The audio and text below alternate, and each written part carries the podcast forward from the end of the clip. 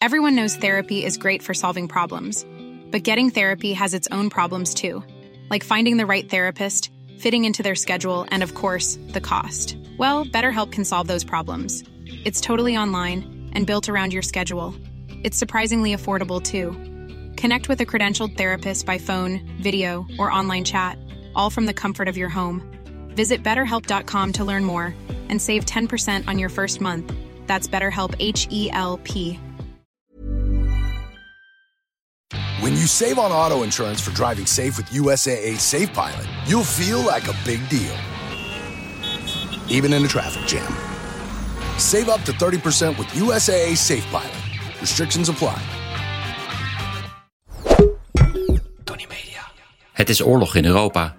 Gaan we allemaal dood in een kernoorlog? Nee, ik denk het niet. Gaat deze oorlog de wereld veranderen? Dat weet ik zeker. Met deze podcast probeer ik grip te krijgen op de oorlog. Elke dag houd ik je hier op de hoogte van de situatie in Oekraïne en Rusland. En dit gebeurde er op dag 47 van de oorlog. Het Oekraïense leger komt steeds dichter bij het innemen van de stad Gerson. Die stad is al wekenlang bezet door de Russen. Er wordt daar nu in de buitenwijken gevochten. Die stad ligt in het zuiden van Oekraïne en is eigenlijk de enige stad die op dit moment in handen is van de Russen. Inwoners van Gerson die demonstreerden vrijwel elke dag tijdens de Russische bezetting. Ook gisteren, ondanks dat Russische soldaten in de lucht schoten tijdens de demonstratie. Ook in het zuiden, in Mariupol, um, is intussen een pro-Russische burgemeester geïnstalleerd. Dat was te zien op de Russische tv. Dat betekent absoluut niet dat de strijd daar voorbij is. Er wordt nog steeds hevig gevochten in de buitenwijken. Op het Russische nieuws wordt gewaarschuwd dat Mariupol het voorland kan zijn van andere Oekraïnse steden als de Oekraïners zich verzetten. Uh, dan gooien we jullie steden gewoon plat, is de boodschap. En alles wijst op een grootschalige oorlog in het oosten van Oekraïne. De Russen schijnen nu in het voordeel te zijn, volgens een militair analisten, maar die hebben eigenlijk sinds het begin van de oorlog uh, ernaast gezeten de hele tijd. Dus wie weet loopt het wel anders. Het is wel een ander soort terrein dan aan het begin van de oorlog. Er zal minder gestreden worden in de, de steden, maar meer op het platteland, waar Rusland beter uit de voeten zou kunnen. Uh, verder heeft Poetin dit weekend een nieuwe militaire leider benoemd, die de oorlog moet coördineren. Nou ja, nieuwe, dat was eigenlijk volkomen onduidelijk tot nu toe of en wie er eigenlijk leiding gaf aan de Russische kant. Dat is ook een belangrijke oorzaak geweest voor de chaos in het Russische leger. Maar deze nieuwe generaal, Alexander Dvornikov, die moet de orde herstellen. Hij geeft nu leiding aan militairen in de altijd onrustige Caucasus. Maar daarvoor was hij de hoogste militair voor Rusland in Syrië. Uh, Rusland heeft Assad eigenlijk van de ondergang gered in uh, 2015. Deze Dvornikov belooft niet veel goeds voor Oekraïne. Hij bombardeerde in Syrië ziekenhuizen en andere burgerdoelen. Um, en ook verbeterde hij in Syrië de communicatie tussen soldaten en officieren. Uh, en dat was juist nu tot nu toe echt een ramp in Oekraïne. Veel officieren moesten naar het front om überhaupt te kunnen overleggen met uh, de soldaten ter plekke. En daarbij gebruikten ze ook mobiele telefoons, waardoor ze een makkelijk doelwit waren, omdat ze getraceerd werden. Daarom alleen al zijn er zes generaals aan het front om het leven gekomen, wat een ongebruikelijk hoog aantal is. Oké, gaan we nu door naar de Russische media. Ja, de arrestaties van Russen die op creatieve wijze protesteren tegen de oorlog um, wordt steeds absurder. Op de telegramkanalen is een foto gedeeld van een man op het Rode Plein. Uh, hij staat naast een monument voor de stad Kiev. Uh, op het Rode Plein staan monumenten voor de zogeheten twaalf heldensteden die zich buitengewoon heroïs hebben verzet tegen de nazi's. Uh, vier van die steden liggen overigens in het huidige Oekraïne, waaronder dus Kiev. En hij stond naast het monument met het boek Oorlog en Vrede. Dat was alles. Boek van Tolstoy natuurlijk. Dat was genoeg om hem op te pakken. Uh, eerder zag ik al een populaire meme langskomen. Want volgens de nieuwe wet mag je de oorlog in Oekraïne geen oorlog noemen. Maar dan moet je het een speciale militaire operatie noemen. En iemand had het boek van Tolstoy veranderd van oorlog in vrede naar speciale militaire operatie en vrede. Verder komen er steeds meer verhalen naar buiten van Russen in bezette gebieden. Die soldaten die zijn vaak afkomstig uit de armste gebieden van Rusland. Want ja, mensen die van betere kom af zijn, die zorgen ervoor dat hun kinderen niet in het Russische leger komen. En die soldaten die keken hun ogen uit in Oekraïne. Ehm, ja, vergeleken met waar ze vandaan komen, is dat een veel welvarendere plek. Dat blijkt uit talloze berichten van soldaten aan het uh, thuisfront. En viral ging een video van een bewoonster van een Oekraïns dorp. Dat was bezet door Russische soldaten. Die had die soldaten op straat afgeluisterd. En die hadden dan tegen elkaar gezegd: Kijk nou, ze hebben allemaal huizen gemaakt van steen. En elk huis heeft wel een laptop en een pot Nutella. Dat vonden ze dus ook echt helemaal shocking. Ja, dat verklaart natuurlijk ook die plunderingen op grote, schaal. De raarste dingen worden naar huis gestuurd. En intussen in Rusland doet de volgende grap de ronde. Dan moet je wel even weten dat in het Russisch het woord gehaktmolen wordt gebruikt voor een, uh, een slagpartij. Dus een Russische soldaat die belt naar huis en hij zegt: Mam, ik ben in Oekraïne, wat een gehaktmolen hier. En die moeder zegt: We hebben geen gehaktmolen nodig, kijk of je een blender kan vinden. Verder heb je misschien een foto langs zien komen van Johnson op bezoek in Kiev met Zelensky. En op een bepaalde foto staan ze beiden met een keramische haan in hun handen. Ja, zonder context is dit een volkomen absurdistische foto. Ze kregen die haan een cadeau van een passant. En dit is een beetje een verwijzing naar een keramische haan in de stad Borodianka. Uh, die een bombardement wonderwel had overleefd. Die stad Borodianka is hevig gebombardeerd. En er zijn eigenlijk steeds meer tekenen ook van oorlogsmisdaden. Volgens Zelensky valt Bucha daarbij uh, in het niet. In ieder geval, de foto van die haan is een soort meme geworden voor de veerkracht van het Oekraïense volk. Ik zet ook een link naar die haan in de show notes. En op die foto zie je een compleet gebombardeerde flat.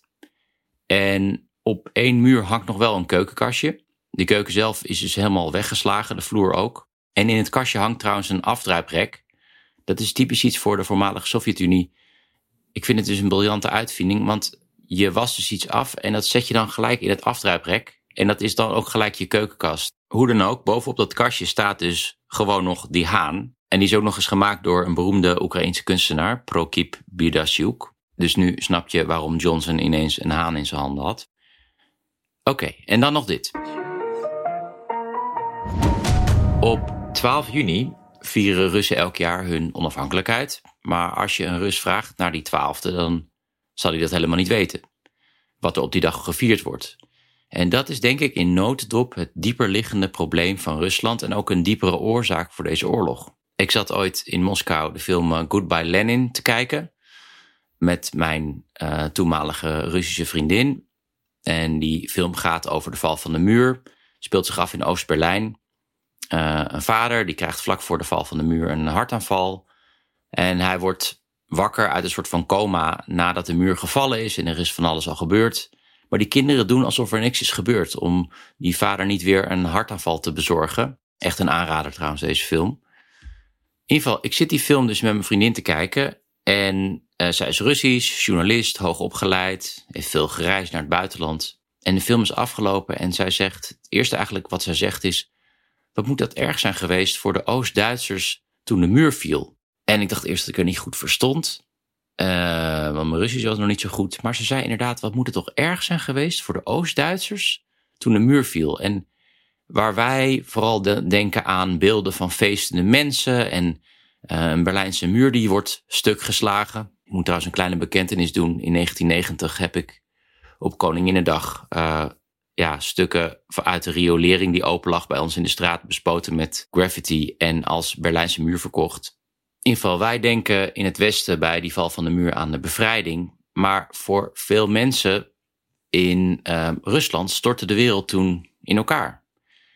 En helemaal voor Poetin, die in 89 uh, voor de KGB in Dresden uh, werkzaam was. Andere landen die kondigden toen hun onafhankelijkheid af, waar ze vaak lang al naar verlangd hadden, zoals de Baltische Staten, andere landen deden dat misschien ietsje minder enthousiast, zoals Wit-Rusland en Oekraïne. Maar ze deden het wel. Maar Rusland heeft zich nergens van onafhankelijk kunnen verklaren. Rusland is wat overbleef van die Sovjet-Unie. En daarom weet niemand ook de, welke dag de onafhankelijkheid wordt gevierd. Het is een soort van negatieve vorm van identiteit. Je identificeert je met iets groters wat je niet meer hebt. En dat is misschien wel de belangrijkste oorzaak van deze oorlog om een oud rijk te herstellen, om weer die identiteit terug te krijgen. En het idee bestaat ook, in ieder geval bij Poetin, dat uh, die landen, Oekraïne, maar ook misschien zelfs Georgië, de Baltische landen, daar ook uiteindelijk naar verlangen.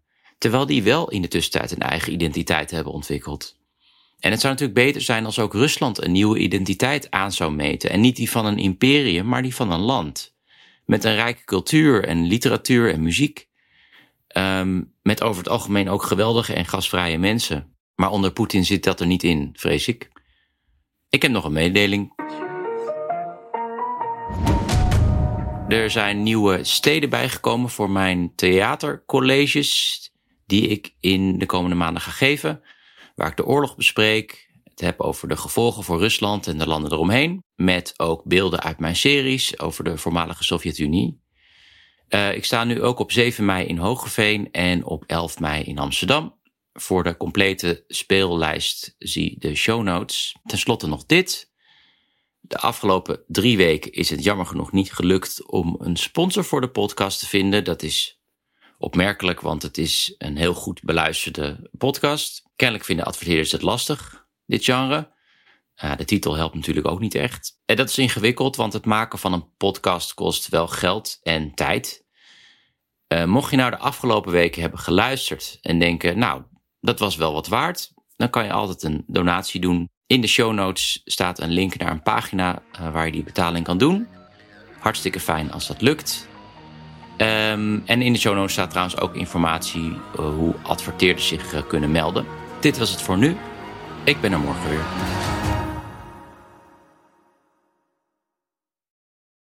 We made USAA insurance for veterans like James. When he found out how much USAA was helping members save, he said, It's time to switch. We'll help you find the right coverage at the right price. USAA. What you're made of, we're made for. Restrictions apply. Even when we're on a budget, we still deserve nice things. Quince is a place to scoop up stunning high end goods for 50 to 80% less than similar brands. They have buttery soft cashmere sweaters starting at $50, luxurious Italian leather bags, and so much more. Plus, Quince only works with factories that use safe, ethical, and responsible manufacturing. Get the high-end goods you'll love without the high price tag with Quince. Go to quince.com/style for free shipping and 365-day returns.